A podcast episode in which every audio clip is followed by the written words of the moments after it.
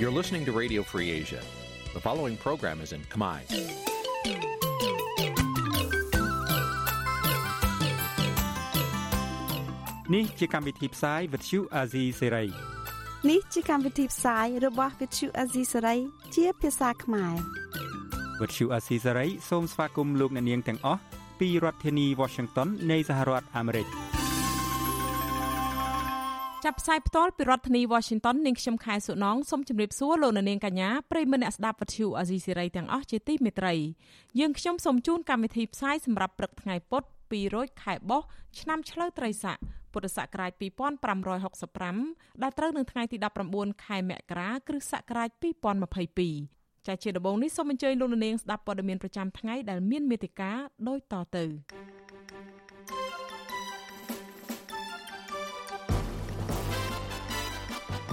កម្ពុជាកំពុងធ្វើតេស្តអាស៊ានម្ដងទៀតជុំវិញជំហរទទួលស្គាល់របបយោធារដ្ឋប្រហារនៅភូមាអ្នកវិភាគនឹងគណៈបកនយោបាយរិះគន់រដ្ឋាភិបាល ថាដាក់ទិវានយោបាយឈ្នះឈ្នះ29ធ្នូក្នុងប្រតិទិនដើម្បីបន្លំប្រវត្តិសាស្ត្រមន្ត្រីសិទ្ធិមនុស្សអន្តរជាតិថារឿងក្តីលោកកឹមសុខា ជារឿងនយោបាយដែលលោកហ៊ុនសែនយកលេសដើម្បីរំលាយគណៈបកសង្គ្រោះជាតិ លោកសំរងស៊ីថាដើម្បីយកឈ្នះតុលាការលេងសើចលោកត្រូវបង្ហាញការពិតដល់សាធារណជនពីលោកហ៊ុនសែនទិញចំនួន like Facebook រួមនឹងព័ត៌មានផ្សេងៗមួយចំនួនទៀតចាជាបន្តទៅនេះនាងខ្ញុំខែសុណងសូមជូនព័ត៌មានទាំងនេះពិស្ដាចាលោករនាងជាទីមេត្រីអ្នកជំនាញលើកឡើងថាកម្ពុជា កំពុងចង់ធ្វើតេស្តអាស៊ានម្ដងទៀតជុំវិញជំហរទទួលស្គាល់របបរដ្ឋប្រហារនៅភូមាឲ្យអាចមកចូលរួមកិច្ចប្រជុំអាស៊ានឡើងវិញបានដោយពេញមុខពេញមាត់ការលើកឡើងនេះស្របពេលដែលកម្ពុជាអញ្ជើញរដ្ឋមន្ត្រីទេសចរតែងតាំងដោយរបបសឹកភូមាឲ្យមកចូលរួមវេទិកាទេសចរអាស៊ាន លើកទី40ដែលកំពុងប្រព្រឹត្តទៅនៅខេត្តប្រស័យនុចាលោកមានរិទ្ធមានសេចក្តីរាយការណ៍អំពីរឿងនេះអ្នកជំនាញវិទ្យាសាស្ត្រនយោបាយនិងកិច្ចការអន្តរជាតិ លោកអែមសវណ្ណារាវិរំលាយថាតាមរយៈទង្វើនាពេលកន្លងមក ជាគោលការណ៍កម្ពុជាឲ្យតម្លៃទៅលើរដ្ឋាភិបាលនៃរបបសឹកមីយ៉ាន់ម៉ាឬភូមាឲ្យធ្វើជាតំណាងរបស់ប្រទេសនិងប្រជាជនភូមាក៏ប៉ុន្តែលោកថាការឲ្យតម្លៃទៅលើរបបសឹកភូមានេះមិនត្រូវបានប្រទេសសមាជិកអាស៊ានមួយចំនួនឲ្យតម្លៃតាមនោះទេលោកអែមសវណ្ណារាមើលឃើញថាការព្យាយាមអញ្ជើញរដ្ឋមន្ត្រីទេសចរភូមាតែងតាំងដោយរបបសឹក ឲ្យមកចូលរួមកិច្ចប្រជុំថ្នាក់រដ្ឋមន្ត្រីទេសចរអាស៊ាន និងវេទិកាទេសចរអាស៊ាននៅពេលនេះឆ្លុះបញ្ចាំងឲ្យឃើញថាកម្ពុជា កំពុងសាកល្បង ឬធ្វើតេស្តចង់ដឹងប្រតិកម្មពីអាស៊ានម្ដងទៀត ចំពោះការដែលខ្លួននៅតែប្រកាន់ជំហរទទួលស្គាល់របបសឹកយោធាភូមិនេះជាការលើកឡើងជាការប្រកាន់យកជំហរនឹងមួយហើយក៏ជាការតេស្តសាកល្បងដែរហើយបើសិនបើអាស៊ានដំណើរការទៅបានអញ្ចឹងកំហុសកន្លងមកក៏មិនធ្ងន់ធ្ងរទេសម្រាប់កម្ពុជាណាវាអាចលុបបំបាត់ការបន្ទុកបដាក់ដែរក៏ប៉ុន្តែវាវាសំខាន់ជាងគេទៅលើរដ្ឋត្រីការបរទេសដែលប្រជុំបានឬបានអានេះចាំមើលទស្សនវិជ្ជាស្ដាយទៀតបាទបើទៅបានអាហ្នឹងគណៈអាស៊ានទទួលយករដ្ឋាភិបាលយោធាពេញលេញប៉ុន្តែបើទៅបានទេមិនទាន់ទទួលស្គាល់ទេយ៉ាងណាក៏ដោយលោកអែមសវណ្ណារាយល់ថាគេត្រូវនៅរងចាំមើលជាបន្តទៀតជាពិសេសនៅពេលដែលអាស៊ានផ្ដោតលើកិច្ចប្រជុំថ្នាក់រដ្ឋមន្ត្រីការបរទេសនិងរដ្ឋមន្ត្រីការពារជាតិអាស៊ាននាពេលខាងមុខនេះដែលក្រុមមេដឹកនាំអាស៊ានមួយចំនួនអាចនឹងមានប្រតិកម្មខ្លាំងបើកម្ពុជានៅតែជំនះអញ្ជើញរដ្ឋមន្ត្រីការបរទេសឬរដ្ឋមន្ត្រីការពារជាតិភូមាដែលត្រូវបានតែងតាំងដោយរបបសឹក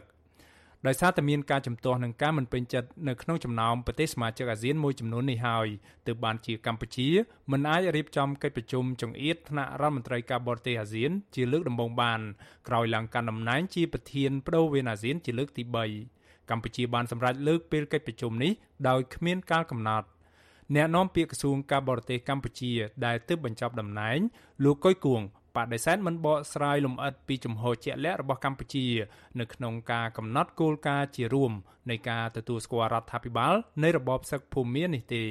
លោកជំរុញឲ្យវិសុវអាស៊ីសេរីទៅសួរនាំអ្នកនាំពាក្យនៃក្រសួងពាក់ព័ន្ធនីមួយៗជុំវិញការអញ្ជើញតំណាងមន្ត្រីរបស់ភូមិឲ្យ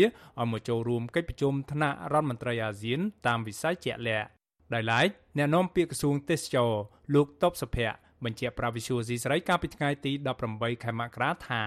កម្ពុជាពិតជាបានអញ្ជើញរដ្ឋមន្ត្រីក្រសួងសន្តាគារនិងទេសចរតែងតាំងដោយរបបសឹកភូមាគឺលោកតេអ៊ុងឲ្យមកចូលរួមផ្ទាល់នៅក្នុងវេទិកាទេសចរអាស៊ានដែលក្រសួងទេសចរជាអ្នករៀបចំមែននៅពេលចោទសួរថាតើការអញ្ជើញនេះកម្ពុជាអាចបារម្ភចំពោះបញ្ហាចម្រូងចម្រាសនៅក្នុងចំណោមប្រទេសសមាជិកអាស៊ានដទៃទៀតឬយ៉ាងណានោះជុំវិញភាពជាអ្នកតំណាងស្របច្បាប់របស់ប្រទេសភូមានេះ លោកតបសុភ័ក្រមានប្រសាសន៍ថាប្រទេសនីមួយៗមានសិទ្ធិស្មើមុខស្មើមាត់ដូចគ្នាហើយកម្ពុជាប្រកាន់ជំហរអាស៊ានជាសហគមន៍សន្តិភាពដោយតាមប្រធានបទនៃវេទិកាទេសចរអាស៊ានឆ្នាំ2022នេះខ្ញុំដូចជាអត់នេះជារួមគឺកម្ពុជានៅក្នុងគេហៅថាគោលការណ៍មួយគេហៅថាទេសដែលយើងគិតអំពីសុខសន្តិភាពរួមគ្នាមានន័យថាសហគមន៍អាស៊ានគឺជាសហគមន៍សន្តិភាព បាទវាស្ថាតែមួយបាទអញ្ចឹងប្រទេសមួយមានសិទ្ធិស្មើមុខស្មើមាត់ដូចគ្នាបាទទីភ្នាក់ងារសារព័ត៌មានកម្ពុជាហៅកាត់ថា AKP របស់រដ្ឋាភិបាលរាយការណ៍ថានៅថ្ងៃទី18ខែមករារដ្ឋមន្ត្រីទេសចរនៃរបបសឹកភូមា លោកតេអ៊ុងបានមានជំនួបទ្វេភាគីមួយជាមួយរដ្ឋមន្ត្រីទេសចរកម្ពុជា គឺលោកថោងខុននៅក្នុងឱកាសអញ្ជើញចូលរួមវេទិកាទេសចរអាស៊ានលើកទី40នេះ ប្រពន្ធដដែលឲ្យដឹងថារដ្ឋមន្ត្រីទេសចរនៃរបបសឹកភូមាបានអបអរសាទរនិងកោតសរសើរខ្ពស់ដល់កម្ពុជានៅក្នុងការបើកវិស័យទេសចរឡើងវិញប្រកបដោយសវត្ថិភាពនិងការទទួលខុសត្រូវលោកតេអ៊ុងបន្ថែមថាប្រទេសមីយ៉ាន់ម៉ានឹងយកគំរូតាមកម្ពុជាដើម្បីស្ដារវិស័យទេសចររបស់ខ្លួនឡើងវិញ ភាគីទាំងពីរក៏បានពិភាក្សាគ្នាអំពីកិច្ចសហប្រតិបត្តិការទេសចររវាងប្រទេសទាំងពីររួមមានការតភ្ជាប់ជើងហោះហើរត្រង់ការសិក្សាទីផ្សារនិងផ្សព្វផ្សាយរួមគ្នានិងការផ្លាស់ប្តូរដំណើរទស្សនកិច្ចស្វែងយល់សម្រាប់វិស័យរដ្ឋឯកជន និងសារព័ត៌មានជាដើមថ្លែងពីខេត្តប្រសេអនុនៅក្នុងពិធីបើកវេទិកាទេសចរអាស៊ានលើកទី40លោកនាយករដ្ឋមន្ត្រីហ៊ុនសែនបានគូបញ្ជាក់ថាអាស៊ានមិនមែនជាចំណាប់ខ្មាំងនៃបញ្ហារបស់មីយ៉ាន់ម៉ានោះទេ កិច្ចការរបស់អាស៊ានឆ្នាំ2022មិនមែនមានតែបញ្ហាមីយ៉ាម៉ាតែមួយនោះទេដោយតអ្នកទាំងឡាយបាននិយាយយ៉ាងច្រើនក្នុងរយៈពេលប្រមាណជាជិត3អាទិត្យនេះខ្ញុំសូមនិយាយថាយើងមានកិច្ចការជាច្រើនដែលត្រូវធ្វើក្រៅពីរឿងម៉ាយ៉ាម៉ាហើយអាស៊ានមិនមែនជាចំណាប់ខ្មាំងនៃបញ្ហារបស់ម៉ាយ៉ាម៉ានោះទេនេះជាការបញ្ជាក់យ៉ាងខ្លីដ៏សង្ខេបដើម្បីចង្អុលបង្ហាញទិស ទៅលើអ្នកតាមដានសភាពការទាំងឡាយសម្រាប់ការគិតគូររបស់យើងនៅក្នុងក្របខ័ណ្ឌបទកន្លងមកក្រោយបញ្ចប់ដំណើរទស្សនកិច្ចរយៈពេល2ថ្ងៃរបស់លោកនាយករដ្ឋមន្ត្រីហ៊ុនសែនទៅជួបមេដឹកនាំរដ្ឋប្រហារយោធាភូមាលោកមីនអងលៀងក្រសួងការបរទេសកម្ពុជា បានប្រកាសទទួលស្គាល់លោកមីនអងលៀងថាជានាយករដ្ឋមន្ត្រីនៃប្រទេសមីយ៉ាន់ម៉ាឬភូមានៅក្នុងសេចក្តីថ្លែងការណ៍រួមរបស់ប្រទេសទាំងពីរ ប្រទេសចិនដែលជាសម្ព័ន្ធមិត្តជិតស្និទ្ធរបស់ប្រទេសភូមា បានចេញមុខប្រកាសគាំទ្រជំហររបស់កម្ពុជានេះវេទិកាទេសចរអាស៊ានដែលនឹងរួមមានកិច្ចប្រជុំថ្នាក់រដ្ឋមន្ត្រីទេសចរអាស៊ាននេះក្លាយជាកិច្ចប្រជុំថ្នាក់រដ្ឋមន្ត្រីអាស៊ានដំបូងដែលកម្ពុជាបានរៀបចំនៅក្នុងនាមជាប្រធានបដូវវេនអាស៊ាន ក្រោយពីបានប្រាជ័យមិនអាចរៀបចំកិច្ចប្រជុំចង្អៀតថ្នាក់រដ្ឋមន្ត្រីការបរទេសអាស៊ានបានដោយសារតែសមាជិកអាស៊ានមួយចំនួនមិនពេញចិត្តទៅនឹងទង្វើរបស់កម្ពុជាដែលព្យាយាមទទួលស្គាល់របបសឹកយោធាភូមានិងចង់អញ្ជើញរដ្ឋមន្ត្រីការបរទេសភូមាតែងតាំងដោយរបបសឹកឲ្យមកចូលរួមកិច្ចប្រជុំអាស៊ានក្រៅពីវេទិកាទេសចរអាស៊ាននេះ កម្ពុជានឹងរៀបចំព្រឹត្តិការណ៍កិច្ចប្រជុំអាស៊ានសំខាន់សំខាន់ចំនួន3ដែលពិភពលោកកំពុងរងចាំមើលថាតើនឹងមានវត្តមានមេដឹកនាំនិងមន្ត្រីរបបសឹកភូមាអាចចូលរួមបានដែរឬទេនៅក្នុងនោះរួមមានកិច្ចប្រជុំចង្អៀតថ្នាក់រដ្ឋមន្ត្រីការបរទេសអាស៊ានដែលគ្រោងនឹងធ្វើនៅថ្ងៃទី18ដល់ថ្ងៃទី19ខែមករានេះក៏ប៉ុន្តែត្រូវបានលើកពេលទៅវិញដោយគ្មានការកំណត់ កិច្ចប្រជុំរដ្ឋមន្ត្រីការបរទេសអាស៊ានលើកទី55នៅចុងខែកក្កដានិងកិច្ចប្រជុំកំពូលអាស៊ានលើកទី40និង41នៅចុងខែតុលាខាងមុខនេះចាប់តាំងពីខែតុលាឆ្នាំ2021មកក្រុមមេដឹកនាំអាស៊ានបានសម្រេចចិត្តដ៏គួរឲ្យភ្ញាក់ផ្អើលមួយមិនអនុញ្ញាតឲ្យមេដឹកនាំរបបសឹកយោធាភូមាចូលរួមកិច្ចប្រជុំកំពូលអាស៊ានបានឡើយខ្ញុំបាទមេរិត Visual C ស្រីរាយការណ៍ពីរដ្ឋធានី Washington ចាលោករនាងជាទីមេត្រីអ្នកវិភាគនិងមន្ត្រីគណៈបកប្រឆាំងរិះគន់រដ្ឋាភិបាលដែលដាក់បញ្ចូលទិវានយោបាយឈ្នះឈ្នះ29ធ្នូទៅក្នុងប្រតិទិនប្រចាំឆ្នាំថាជាការបន្លំប្រវត្តិសាស្ត្រ ប៉ុន្តែរដ្ឋាភិបាលលើកឡើងថាកម្ពុជាបានកំណត់យកថ្ងៃទី29ខែធ្នូឆ្នាំ1998ជាការបញ្ចប់សង្គ្រាមទាំងស្រុងដោយមិនមានការបង្ហូរឈាម និងទទួលបានសន្តិភាពពេញលេញតាមរយៈនយោបាយឈ្នះឈ្នះនេះចាលោកសេកបណ្ឌិតរាយការណ៍ព័ត៌មាននេះអ្នកវិភាគនិងមន្ត្រីគណៈបកប្រឆាំងលើកឡើងថាទិវានយោបាយឈ្នះឈ្នះ29ធ្នូ ដែលត្រូវដាក់ចូលនៅក្នុងប្រតិទិនចាប់ពីថ្ងៃទី29ធ្នូឆ្នាំ2022តទៅនេះមិនមែនជាថ្ងៃខ្មែរទាំងមូលឈ្នះនោះទេប៉ុន្តែគឺជាថ្ងៃឈ្នះរបស់ក្រមគ្រួសារត្រកូលហ៊ុនក្នុងការគ្រប់គ្រងអំណាចតត្រកូលពួកគេជំរុញឲ្យដាក់បញ្ចូលថ្ងៃ23ដុល្លារនៃកិច្ចព្រមព្រៀងសន្តិភាពទីក្រុងប៉ារីសក្នុងប្រតិទិនឈប់សម្រាកប្រចាំឆ្នាំអ្នកវិភាគនយោបាយដែលកំពុងភៀសខ្លួននៅប្រទេសហ្វាំងឡង់លោកកឹមសុខរិះគន់ថា រដ្ឋាភិបាលលោកហ៊ុនសែនបានយកថ្ងៃទី29ធ្នូឆ្នាំ1998ជាការបន្លំប្រវត្តិសាស្ត្រជ្រកក្រោមស្លាកនយោបាយឈ្នះឈ្នះលោកបន្តថាការបញ្ចូលទិវានយោបាយឈ្នះឈ្នះ29ធ្នូទៅក្នុងប្រតិទិនឈប់ប្រចាំឆ្នាំ ជាការបញ្ឆេះកំហឹងប្រដ្ឋខ្មែរឲ្យឈឺចាប់កាន់តែខ្លាំងចំពោះការឈ្លានពានរបស់កងទ័ពវៀតណាមលើទឹកដីកម្ពុជា។ ហើយធ្វើឲ្យកម្ពុជានៅតែរងគ្រោះរហូតដល់បច្ចុប្បន្នដែលបង្កឡើងដោយកម្លាំងវៀតណាមនៅក្នុងទីក្នុងនៃរដ្ឋាភិបាលកម្ពុជាបច្ចុប្បន្ននិងពួកនិគមជនអន្តោប្រវេសន៍ខុសច្បាប់នៅលើទឹករាប់ម៉ឺនគ្រួសារនៅក្នុងព្រៃរាប់ម៉ឺនគ្រួសារនៅក្នុងផ្សារបន្លំធ្វើជាខ្មែររាប់ម៉ឺនគ្រួសារទៀតរីឯមន្ត្រីជាន់ខ្ពស់គណៈបកសង្គ្រោះជាតិលោកដួងចន្ទ្រាដែលកំពុងភៀសខ្លួននៅប្រទេសថៃ ប្រាប់បទសុអសីស្រីនៅថ្ងៃទី18មករាថាទិវានយោបាយឈ្នះឈ្នះរបស់រដ្ឋាភិបាលហ៊ុនសែនគឺគ្រាន់តែជាថ្ងៃដែលបកកណ្ដាលអំណាចឈ្នះលើខ្មែរគ្នាឯងបានបង្ហូរឈាមខ្មែរដើម្បីគ្រប់គ្រងអំណាចហើយមិនបានផ្ដល់ផលប្រយោជន៍អ្វីដល់ប្រជាពលរដ្ឋទូទៅនោះទេមន្ត្រីគណៈបកប្រឆាំងរូបនេះយល់ថាថ្ងៃទី23ខែតុលាទើបជាថ្ងៃខ្មែរគ្រប់ភាគីឈ្នះទាំងអស់គ្នា ក្នុងការបញ្ចប់សង្គ្រាមស៊ីវិល ដូច្នេះរដ្ឋាភិបាលគួរដាក់បញ្ចូលថ្ងៃទី23ដុល្លារ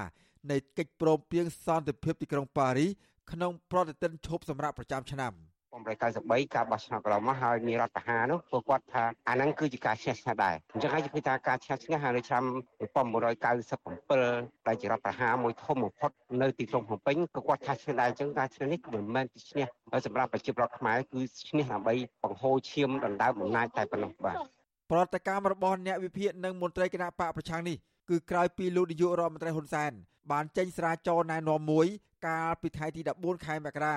ដោយកំណត់យកថ្ងៃទី29ធ្នូជាទិវានយោបាយឈ្នះឈ្នះដាក់បញ្ចូលក្នុងប្រតិទិនឈប់សម្រាប់ប្រចាំឆ្នាំ ដើម្បីជាការដឹងគុណកតញ្ញូនិងចងចាំគុណូបការៈថ្ងៃទី29ធ្នូនេះលោកហ៊ុនសែនលើកឡើងនៅក្នុងសារាចរនេះទៀតថា23ឆ្នាំកន្លងមក កម្ពុជាបានកំណត់យកថ្ងៃទី29ខែធ្នូឆ្នាំ1998ជាការបញ្ចប់សង្គ្រាមស៊ីវិលទាំងស្រុងដោយមិនមានការបង្ហូរឈាម និងទទួលបានសន្តិភាពពេញលេញតាមរយៈនយោបាយឈ្នះឈ្នះបន្ទាប់ពីឆ្លងកាត់នៅដំណាក់កាលសង្គ្រាមនៃរបបប្រល័យពូជសាសន៍ខ្មែរក្រហម ដែលជាដំណាក់កាលសង្គ្រាមផងចរចាផងរីឯអ្នកនាំពាក្យគណៈបកប្រជាជនកម្ពុជាលោកសុកអេសានលើកឡើងថា ថ្ងៃទី29ធ្នូជាថ្ងៃប្រវត្តិសាស្ត្រនៃការបញ្ចប់សង្គ្រាម ដែលកម្ពុជាមិនធ្លាប់មានពីមុនមកលោកថាអ្នករិះគន់ការដាក់បញ្ចូលទិវានយោបាយឈ្នះឈ្នះក្នុងប្រតិទិនឈប់សម្រាប់ប្រចាំឆ្នាំ គឺជាការយល់ឃើញក្នុងនាមជាអ្នកប្រឆាំងចំពោះការស្នើសុំយកថ្ងៃទី23ដុល្លារដាក់បញ្ចូលជាថ្ងៃឈប់សម្រាប់ប្រចាំឆ្នាំ គឺមិនចាំបាច់នោះទេព្រោះថ្ងៃទី23ដុល្លារនៃកិច្ចព្រមព្រៀងសន្តិភាពទីក្រុងប៉ារីស បានដាក់បញ្ចូលក្នុងរដ្ឋធម្មនុញ្ញអស់ហើយ។ពីព្រោះសន្តិភាពពេញលេញទូទាំងប្រទេសនឹងការឯកភាពជាតិវាជាសម្បត្តិផលសម្រាប់ប្រជាជនកម្ពុជាទូទាំងប្រទេសរួមទាំងអ្នកកាន់អំណាចផងទាំងអ្នកប្រឆាំងផងទាំងអ្នកប្រកួតប្រជែងផងវាអត់មានថាសន្តិភាពនឹងបានតែគណៈបកប្រជាជនកម្ពុជាណានយោបាយឈ្នះឈ្នះរវាងខ្មែរនិងខ្មែររបស់លោកហ៊ុនសែនត្រូវគេមើលឃើញថា មានល្អតែនៅលើក្រដាស់ច្រើនជាង រដ្ឋាភិបាលលោកហ៊ុនសែនមិនបានអនុវត្តដោយស្មោះត្រង់ទេពីព្រោះថាការបង្ហូរឈាមខ្មែរគ្នាឯងនិងការបង្ក្រាបដោយហិង្សានឹងការចាប់ដាក់គុកឥតសាកស្រានទៅលើខ្មែរគ្នាឯងដែលមាននិន្នាការនយោបាយមិនដូចគណៈបកកណ្ដាលអំណាចនៅតែបន្តកើតមានជាហូរហែជាពិសេសនោះគឺការរំលាយគណៈបកសង្គ្រោះជាតិនៅឆ្នាំ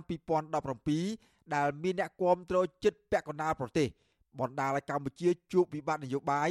និងកំពុងរងទណ្ឌកម្មពីក្រមប្រទេសប្រជាធិបតេយ្យឥតឈប់ឈរ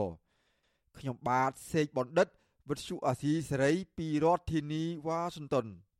ចាលោកនាងកញ្ញាជាទីមេត្រីមន្ត្រីមកពីគណៈបកត្រៀមខ្លួនចូលរួមបោះឆ្នោតចំនួន2គឺគណៈបកភ្លើងទៀននិងគណៈបកប្រជាធិបតេយ្យមូលដ្ឋានអះអាងថាបើទោះបីស្ថានភាពនៅមុនការបោះឆ្នោតមានសភាពអាប់អួរក៏ពួកគេត្រៀមខ្លួនដើម្បីចូលរួមការបោះឆ្នោតក្រុមប្រឹក្សាឃុំសង្កាត់នៅពេលខាងមុខ ទោះជាយ៉ាងណាពួកគេអះអាងដែរថានឹងចូលរួមតស៊ូមតិតាមគ្រប់មធ្យោបាយឲ្យតែមានការកែប្រែលំហនយោបាយផ្លាស់ប្តូរគណៈកម្មាធិការជាតិរៀបចំការបោះឆ្នោតនិងដើម្បីជំរុញដំណើរការប្រជាធិបតេយ្យនៅកម្ពុជា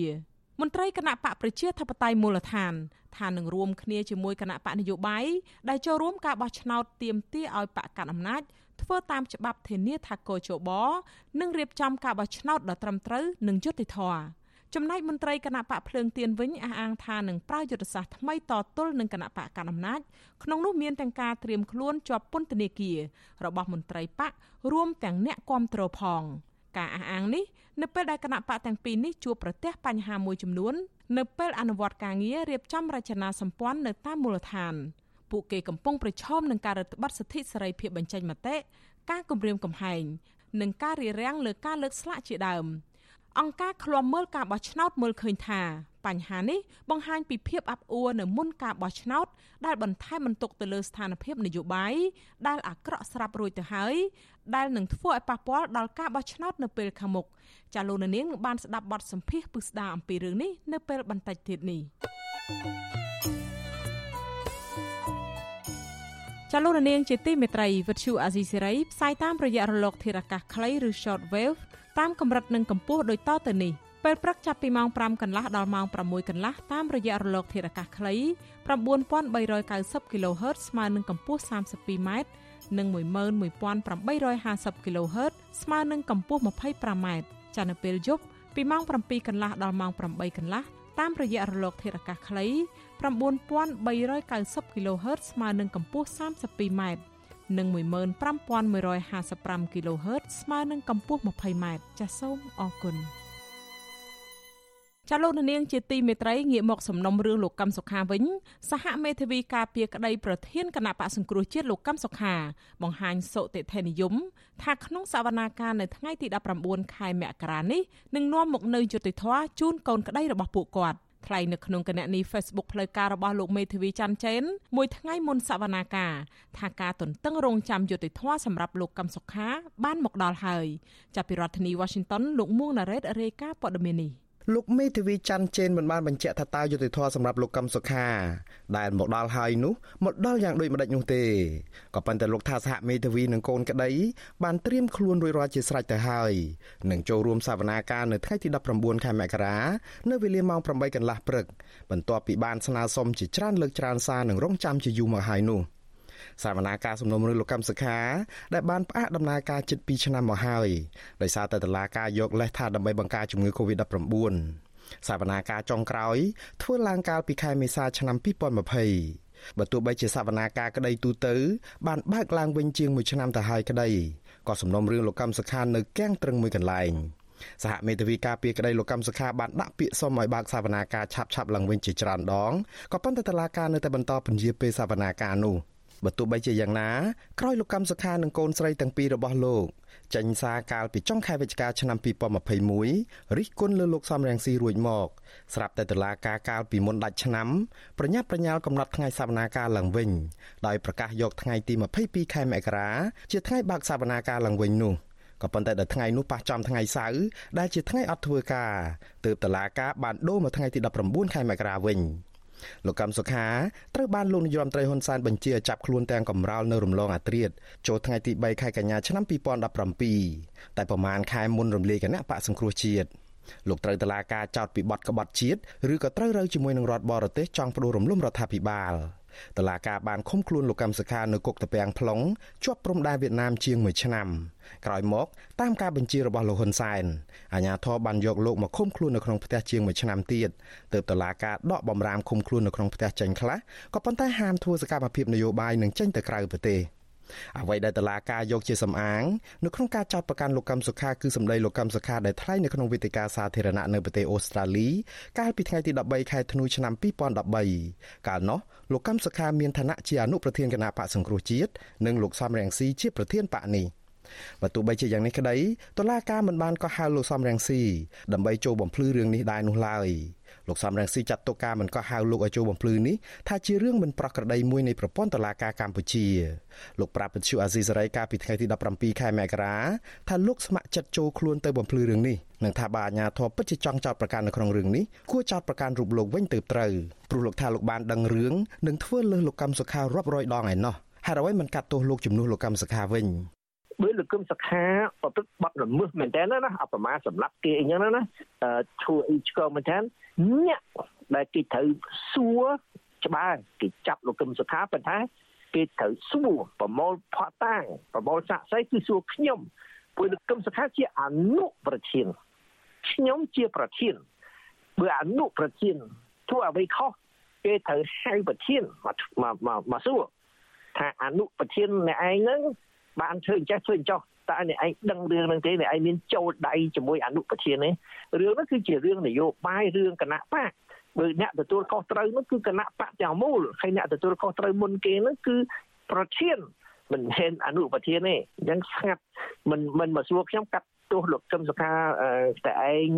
អញ្ចឹងវាវាឆ្កងឆ្កងមែនតើណាដោយសារវាចាត់លោះចាត់លោះធំណាមិនហៅខ្ញុំទៅសួរនាំវិទ្យុអាស៊ីសេរីបានព្យាយាមសុំការបំភ្លឺពីអ្នកនាំពាក្យសាលាដំបងក្រុងភ្នំពេញលោកអ៊ីរិនអំពីសាររបស់លោកសំរងស៊ីដែលសុំចូលខ្លួនទៅបំភ្លឺនៅចំពោះមុខតុលាការនេះដែរក៏ប៉ុន្តែទូរស័ព្ទចូលច្រើនលើកលោកមិនទទួលនៅថ្ងៃទី18ខែមករានេះ ស្របពេលដែលសហមេធាវីការពីក្តីលោកកម្មសុខាមានសង្ឃឹមថានឹងមានយុត្តិធម៌សម្រាប់លោកកម្មសុខានៅក្នុងសវនាការព្រឹកស្អែកនេះអ្នកវិភាគនយោបាយលោកកឹមសុខឯណោះវិញលោកថាសវនាការនៅថ្ងៃទី19ខែមករាពុំមានសេចក្តីសម្រេចអ្វីធំដុំនោះឡើយលោកថាវិធានការច្បាប់គឺគ្រាន់តែជាលេសដែលក្រុមលោកហ៊ុនសែននៅតែប្រើដើម្បីអូសស្ថានភាពឲ្យវិវត្តតាមលបែងបន្លាយពេលបន្តខ្ទប់សិទ្ធិនយោបាយលោកកឹមសុខាតែប៉ុណ្ណោះ លោកថានឹងអាចមានការបន្ធូរជើងបន្ថែមទៀតដល់លោកកឹមសុខាលុះត្រាតែលោកកឹមសុខាបង្ហាញសញ្ញាផ្ទេរការងារដល់អ្នកជំនាន់ថ្មីខ្ញុំបាទមុងណារ៉េត With you Azizi Saray ប្រធានាធិបតី Washington ចាលោកនាងកញ្ញាជាទីមេត្រីតកតងទៅនឹងសេចក្តីរាយការណ៍របស់លោកមួងណារ៉េតនេះដែរមន្ត្រីឃ្លាំមើលសិទ្ធិមនុស្សអន្តរជាតិនៅតែចាត់ទុករឿងក្តីលោកកម្មសុខាថាជាឆាកលខោននយោបាយដែលលោកហ៊ុនសែនយកលេសដើម្បីរំលាយគណៈបកសង្គ្រោះជាតិតែប៉ុណ្ណោះ នាយករងប្រចាំតំបន់អាស៊ីនៃអង្គការឃ្លាំមើលសិទ្ធិមនុស្សអន្តរជាតិ Human Rights Watch លោក Phil Robertson ថ្លែងកាលពីថ្ងៃទី18ខែមករាម្សិលមិញថាការបន្តសវនាការលើសំណុំរឿងលោកកឹមសុខានៅថ្ងៃទី19មករានេះបន្ទាប់ពីផ្អាកអស់រយៈពេល7ឆ្នាំនេះក៏មិនបានផ្លាស់ប្តូរការពិតដែលថាការចោទប្រកាន់បែបប្រឌិត និងដោយហេតុផលនយោបាយនោះមិនគួរត្រូវកើតមានឡើងមកលើលោកកឹមសុខាតាំងតែពីដំបូងមកម្លេះ។ លោកបន្តថាលោកនាយករដ្ឋមន្ត្រីហ៊ុនសែននិងរដ្ឋាភិបាលរបស់លោកបានសម្រេចទម្លាក់កំហុសលើជនបរទេសនិងលាបពណ៌ថាជាបដិវត្តពណ៌ដើម្បីប្រឌិតហេតុផលដើម្បីតុលាការកំពូលរំលាយគណៈបកសង្គ្រោះជាតិដឹកនាំដោយលោកកឹមសុខាកាលពីខែវិច្ឆិកាឆ្នាំ2017លោកបន្ថែមថាយុទ្ធនាការរបស់គណៈបកកាន់អំណាចនេះធ្វើឡើងក្នុងចេតនាធ្វើឲ្យពលរដ្ឋខ្មែរ បាត់បង់នៅឱកាសប្រឆាំងការដឹកនាំរបស់លោកហ៊ុនសែននិងមិនអាចជ្រើសរើសមេដឹកនាំនយោបាយទៅតាមការពេញចិត្តរបស់ខ្លួនបាន ជាពិសេសដូចជាការបោះឆ្នោតក្រុមប្រឹក្សាឃុំសង្កាត់ដែលក្រុងធ្វើនៅទូទាំងប្រទេសនៅពាក់កណ្ដាលឆ្នាំ2022នេះជាដើមលោក Phil Robertson ថារឿងអយុត្តិធម៌សម្រាប់លោកកឹមសុខានឹងគ្មានទេ កុំសង្ឃឹមព្រោះតុលាការកម្ពុជាក្លាយជាឧបករណ៍នយោបាយនិងល្បីខាងធ្វើតាមតែបញ្ជារបស់រដ្ឋាភិបាល និងបកកាន់អំណាចតែប៉ុណ្ណោះឯងដូច្នេះអ្វីដែលលោកកឹមសុខានៅសល់សង្ឃឹមគឺមានតែរងចាំការអនុគ្រោះពីលោកហ៊ុនសែនដែលលើកលែងទោសឲ្យលោកក្រោយតុលាការកាត់ឲ្យលោកមានទោសចាលោកនាងកញ្ញាជាទីមេត្រីចាលោកនាងកំពុងស្ដាប់ការផ្សាយរបស់វិទ្យុអាស៊ីសេរី ប្រធានស្ដីទីគណៈបកសង្គ្រោះជាតិលោកសំរងស៊ីថាដើម្បីយកឈ្នះតុលាការលេងសើចនៅកម្ពុជាបាន គឺមានតែខិតខំនាំគ្នាបង្ហាញការពិតជាសាធារណៈប្រតិកម្មរបស់ថ្នាក់ដឹកនាំគណៈបកប្រឆាំងនេះធ្វើឡើងតបទៅនឹងបណ្ដឹងជាច្រើនប្រឆាំងរូបលោកដូចជារឿងលោកហ៊ុនសែនទិញចំនួន likes សម្រាប់ Facebook ជាដើមដែលបណ្ដឹងទាំងនេះតុលាការកាត់ក្តីតម្រូវចិត្តលោកហ៊ុនសែនចាលោកនាងនឹងបានស្ដាប់សេចក្តីរាយការណ៍នេះពុស្ដានៅពេលបន្តិចទៀតនេះ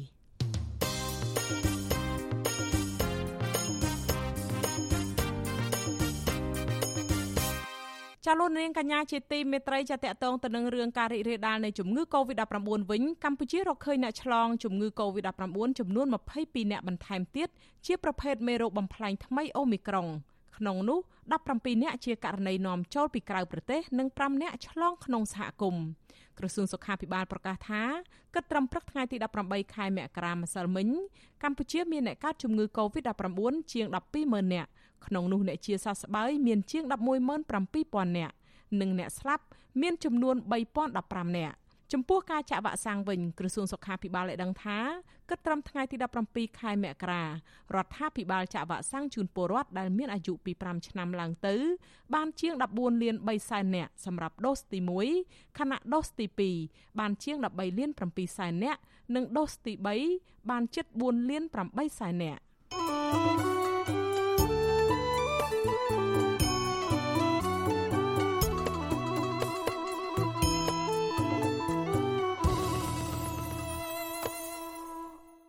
ចាលោករនាងជាទីមេត្រីចារឿងដាច់ដោយឡែកមួយទៀតអតីតឯកអគ្គរដ្ឋទូតខ្មែរប្រចាំនៅសហរដ្ឋអាមេរិកលោកជុំសន្តិរីត្រូវបានក្រសួងតែងតាំងឲ្យមកកាន់តួនាទីចាស់ជាអ្នកនាំពាក្យក្រសួងការបរទេសជំនួសលោកកុយគួងដែលជាអ្នកនាំពាក្យបច្ចុប្បន្ននេះវិញក្រសួងការបរទេសនិងសហប្រតិបត្តិការអន្តរជាតិឲ្យដឹងកាលពីថ្ងៃទី18ខែមករាម្សិលមិញថាលោកកុយគួងដែលជាអ្នកនាំពាក្យក្រសួងការបរទេសត្រូវទទួលបន្ទុកផ្នែកផ្សេងវិញ។ សារព័ត៌មានស្និទ្ធនឹងរដ្ឋាភិបាលចុះផ្សាយថាលោកកុយគួងនឹងត្រូវទទួលបន្ទុកការងារតំបន់អាស៊ីកណ្ដាលនិងខាងត្បូងបន្ថែមលើតួនាទីសពថ្ងៃជារដ្ឋលេខាធិការ រីឯលោកជុំសន្តិរីដែលជាអតីតឯកអគ្គរដ្ឋទូតខ្មែរប្រចាំនៅរដ្ឋធានី Washington សហរដ្ឋអាមេរិកនោះនឹងមកធ្វើជាអ្នកនាំពាក្យក្រសួងការបរទេសជំនួសលោកកុយគួងវិញ។រីឯអគ្គរដ្ឋទូតថ្មីដែលនឹងត្រូវជំនួសលោកជុំសន្តិរី ជាឯកអគ្គរដ្ឋទូតខ្មែរប្រចាំនៅសហរដ្ឋអាមេរិកនោះគឺលោកកៅឈៀជាមន្ត្រីជាន់ខ្ពស់ក្រសួងការបរទេស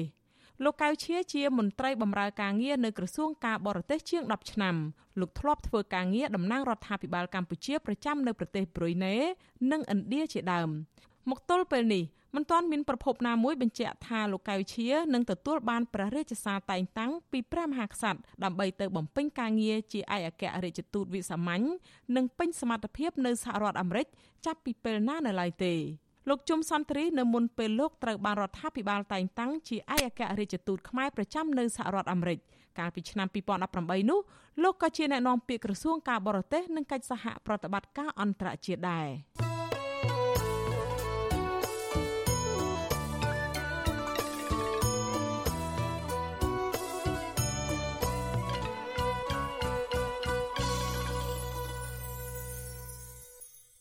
ចាលោកនាងកញ្ញាជាទីមេត្រីចាងាកមករឿងធនធានធម្មជាតិឯនេះវិញសហគមន៍តំបន់ការពារធម្មជាតិជ្រោយស្វាយមានផ្ទៃដីជាង500ហិកតា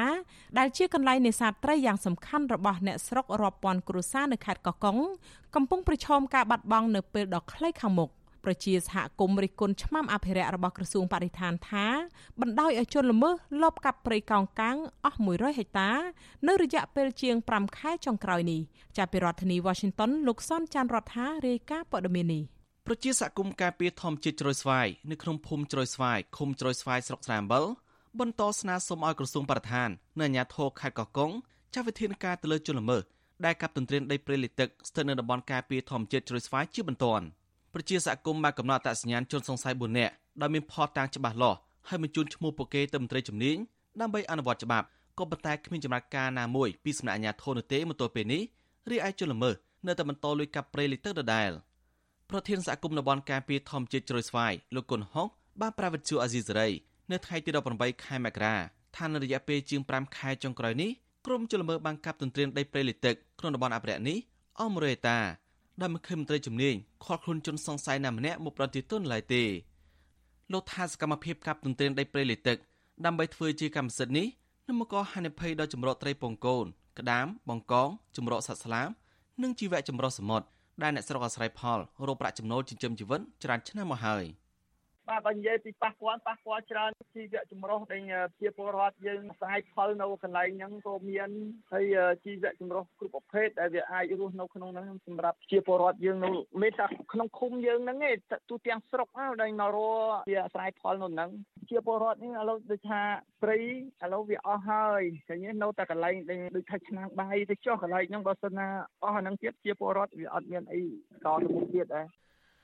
ប្រធានសហគមន៍រួមនេះបន្ថែមថាប្រតិច្រើនភូមិនៅទូទាំងស្រុកស្រែអំបិលតែងតែមនសាត្រីចិញ្ចឹមជីវិតនៅតំបន់នោះប្រសិនបើបាត់បង់នៅមកផលប៉ះពាល់ដល់មុខរបរនិងជីវភាពរបស់ប្រជាពលរដ្ឋលោកថាព្រៃលិតតំបន់នោះបានផ្ដល់តម្លៃសេដ្ឋកិច្ចតាមរយៈភ្ញៀវទេសចរនិងប្រភពនេសាទយ៉ាងសំខាន់របស់ប្រជាជាច្រើនពាន់គ្រួសារដែលអ្នកភូមិតែងតែស្នើសុំឲ្យអាជ្ញាធរយកចិត្តទុកដាក់អភិរក្សព្រៃនោះឲ្យបានគង់វង្សតំបន់ព្រៃលិតទឹកឬក៏សហគមន៍តំបន់ការពារធម្មជាតិជ្រោយស្វាយបានចុះបញ្ជីទទួលស្គាល់ដោយក្រសួងបរិស្ថាន កាលពីឆ្នាំ2011មានផ្ទៃដីជាង500ហិកតាដែលស្ថិតនៅក្នុងភូមិឈើនាងភូមិសរាយភូមិភ្នំស្រឡៅភូមិកំពង់ស្ដាំភូមិជ្រោយស្វាយខាងលិចនិងភូមិជ្រោយស្វាយខាងកើតនៅឃុំជ្រោយស្វាយស្រុកស្រែអំបិលប្រជាសកម្មអះអាងថានៅគ្រាដែលជលមើកັບទន្ទ្រានដីព្រៃកោងកាងឲ្យខ្លាចជីវិលអាញាធរភូមិនៅឃុំបានចោះតលេខាធ្វើពាក្យស្នើសុំកាន់កាត់បេធ្លីជូនពួកគេដោយបន្លំកាលបរិច្ឆេទក្នុងលិខិតនោះវិទ្យុអាស៊ីសេរីមិនតន់អាចតតងសុំការបំភ្លឺរឿងនេះ ពីអ្នកនាំពាក្យសាលាខេត្តកកុងលោកសុកសុធីនិងប្រធានមន្ត្រីបរដ្ឋានខេត្តកកុងលោកហ៊ុនម៉ារ៉ាឌីបាននៅឡើយទេ នៅថ្ងៃទី18ខែមករាដោយទូរស័ព្ទហៅចូលច្រើនដងតែគ្មានអ្នកលើករីឯអភិបាលខេត្តកកុងអ្នកស្រីមិថុនាភូថងក៏មិនទាន់អាចតាក់ទងបានដែរកាលពីសប្តាហ៍មុនគណៈកម្មការសហគមន៍សមាជិកអាជ្ញាធរឃុំនិងមន្ត្រីបរិស្ថាន បានសហការគ្នាចលបាននៅចំណុចទំនប់ការពីទឹកប្រៃប្រទះឃើញមនុស្ស4នាក់កាប់ឆ្ការដីព្រៃលិទឹក និងបោះបង្គោលរបងដើម្បីធ្វើជាកម្មសិនហើយសមត្ថកិច្ចបានដកបង្គោលរបងចោលនិងធ្វើកំណត់ហេតុក៏ប៉ុន្តែមិនបានខកខ្លួនជនសង្ស័យណាម្នាក់មកអនុវត្តច្បាប់ឡើយទេក្នុងពេលចុះបង្ក្រាបនាយករដ្ឋមន្ត្រីប្រាប្រាស់ច្រើនយ៉ាងដងពេងបានប្រាប់ប្រជាពលរដ្ឋនៅចំពោះមុខថាលោកនឹងបន្តស្រាវជ្រាវរកអ្នកពាក់ព័ន្ធបន្ថែមទៀតដើម្បីកំណត់មុខសញ្ញាដើម្បីឈានទៅដល់ការអនុវត្តច្បាប់ជុំវិញរឿងនេះមន្ត្រីសម្របសម្បូរសមាគមអាត60ខេត្តកកុងលោកថោងច័ន្ទរាសង្ស័យថាក្រតិកម្មព្រៃឈើទៅនេះ មានការខុសខិតគ្នាជាប្រព័ន្ធដែលមានមន្ត្រីជំនាញអាជ្ញាធរនិងក្រុមជលមើដើម្បីទទួលបានផលប្រយោជន៍ទើបអាជ្ញាធរមិនចាត់វិធានការលើជនប្រព្រឹត្តលោកសង្កេតឃើញថាឆ្មាំអភិរក្សរបស់ក្រសួងបរិស្ថាននិងអាជ្ញាធរខេត្តកកុងមិនបានបំពេញតួនាទីភារកិច្ចស្របតាមច្បាប់ត្រឹមត្រូវនៅឡើយទេដែលធ្វើព្រៃកោងកាងនៅតែបន្តបាត់បង់។ ដូចជាសមត្ថកិច្ចជំនាញបរិស្ថានហ្នឹងគាត់ថាគាត់ទៅទៅបានទទួលដំណឹងអីចឹងដែរគាត់នឹងចាត់វិធានការស្រាវជ្រាវអីចឹងប៉ុន្តែដូចបានប៉ុណ្្នឹងទៅវាស្ងាត់ស្ងាត់ទៅហើយវាលេងការបន្តកម្មផ្លាញហ្នឹងវាចេះតែបន្តមិនយកចិត្តទុកដាក់ហងការអាសំកលុំចែកផលប្រយោជន៍គ្នាពីអាដេញអ្នកប្រព្រឹត្តហ្នឹងបាទអ្នកភូមិបន្ថែមថាព្រៃកោងកាងក្នុងតំបន់អភិរក្សនេះស្ថិតនៅក្នុងតំបន់ឆ្នេរសមុទ្រនៅឃុំជ្រោយស្វាយស្រុកស្រែអំបិល គឺជាប្រភពធនធានធម្មជាតិដ៏មានតម្លៃដើម្បីឲ្យពួកគាត់ធ្វើនេសាទរកប្រាក់ចំណូលដោះស្រាយជីវភាពគ្រួសារនិងជាតំបន់អេកូទេសចរធម្មជាតិបង្កើតឱកាសការងារដល់ប្រជាសហគមន៍តាមរយៈភ្ញៀវទេសចរជាដើមខ្ញុំសនចន្ទថាវិទ្យុអេស៊ីសរ៉ៃរាយការណ៍ពីរដ្ឋធានីវ៉ាស៊ីនតោនចាលោកនាងកញ្ញាជាទីមេត្រីក្រសួងបរិស្ថាននិងអង្គការដៃគូប្រមានចាត់វិធានការច្បាប់ចំពោះជនទាំងឡាយណា ដែលចូលទៅបំផ្លាញតំបន់ការពារទេសភាព និងអភិរក្សជីវៈចម្រុះបឹងព្រៃលពៅបឹងព្រៃលពៅស្ថិតនៅក្នុងស្រុកបូរីជលសានិងស្រុកកោះអណ្ដែតខេត្តតាកែវរដ្ឋលេខាធិការនឹងជាអ្នកណែនាំពាក្យក្រសួងបរិស្ថានលោកណេតភក្ត្រាឲ្យវិទ្យុអាស៊ីសេរីដឹងនៅថ្ងៃអង្គារទី18មករាម្សិលមិញថាកិច្ចការពីតំបន់ទេសភាពនិងអភិរក្សជីវៈចម្រុះនៅបឹងព្រៃលពៅគឺជារឿងចាំបាច់ព្រោះជាតំបន់សត្វក្រៀលរកចំណីនិងសត្វស្លាបមួយចំនួនទៀតដែលជាប្រភេទសត្វជិតផុតពូជ ដូចជាសត្វចាបព្រៃវែងនិងសត្វរនាលពណ៌ជាដើមលោកណេតភក្ត្រាបន្តថាកន្លងទៅក្រសួងបរិស្ថានបានចាត់វិធានការលើជនល្មើសមួយចំនួនដែលចូលទៅរំលោភបំពានទន្ទ្រានយកដីនៅតំបន់នោះធ្វើជាកម្មសិទ្ធិផ្ទាល់ខ្លួន ដោយគិតពីឆ្នាំ2017មកក្រសួងបរិស្ថានក៏បានកសាងសំណុំរឿងបានចំនួន4ករណីបញ្ជូនទៅតុលាការនិងមួយចំនួនបានចាប់ឲ្យធ្វើកិច្ចសន្យាបញ្ឈប់សកម្មភាពទន្ទ្រានកាន់កាប់ដីនៅតំបន់នោះព្រមទាំងដកហូតយកដីត្រឡប់មកវិញពេលបច្ចុប្បន្ននេះយើងឃើញថាបន្ទាប់ពីបានការការពារក៏ដូចជាការចុះល្បាតជាប្រចាំ គឺចំនួនសត្វស្លាបដែល មករស់ស៊ីនៅតំបន់នោះនិងកន្លែងទីជំរករបស់សត្វហ្នឹងក៏យើងឃើញមានប្រភេទសត្វមួយចំនួនបានមកហើយមានចំនួនកើនឡើងដូចជាប្រភេទសត្វចាបព្រៃវែងជាដើម ហើយក៏ដូចជាសត្វរនាលពណ៌ហើយនឹងចង្កៀលខ្យងហើយក្រៅពីនោះគឺកន្លែងសំខាន់ហ្នឹងគឺសត្វគ្រាតែម្ដងពីព្រោះតំបន់នោះជាតំបន់ដែលសម្បូរដោយដើមប្លុងបាទដែលសត្វគ្រាវាស៊ីមើមប្លុង មកពីតំបន់ផ្សេងផ្សេងដូចជាតពាំងថ្ម ដូចជាពីនលងព្រីងជាដើមបាទគេហទំព័ររបស់ក្រសួងបរិស្ថានបានដឹងដែរថាក្រសួងបានសហការជាមួយដៃគូមួយចំនួន ដូចជាអង្គការជីវិតធម្មជាតិនៅកម្ពុជា និងអង្គការជីវិតសត្វស្លាបអន្តរជាតិជាដើម បានអនុវត្តគម្រោងក្នុងគោលបំណងធ្វើឲ្យប្រសើរឡើងនៅការអភិរក្សជីវៈចម្រុះនិងលើកកម្ពស់ជីវភាពសហគមន៍នៅក្នុងតំបន់ការពារទេសភាពបឹងព្រែកល្ពៅនោះ។ តំបន់ការពារទេសភាពបឹងព្រែកល្ពៅគឺជាតំបន់ដីសើមដ៏មានសក្តានុពលមួយ នៅក្នុងប្រទេសកម្ពុជា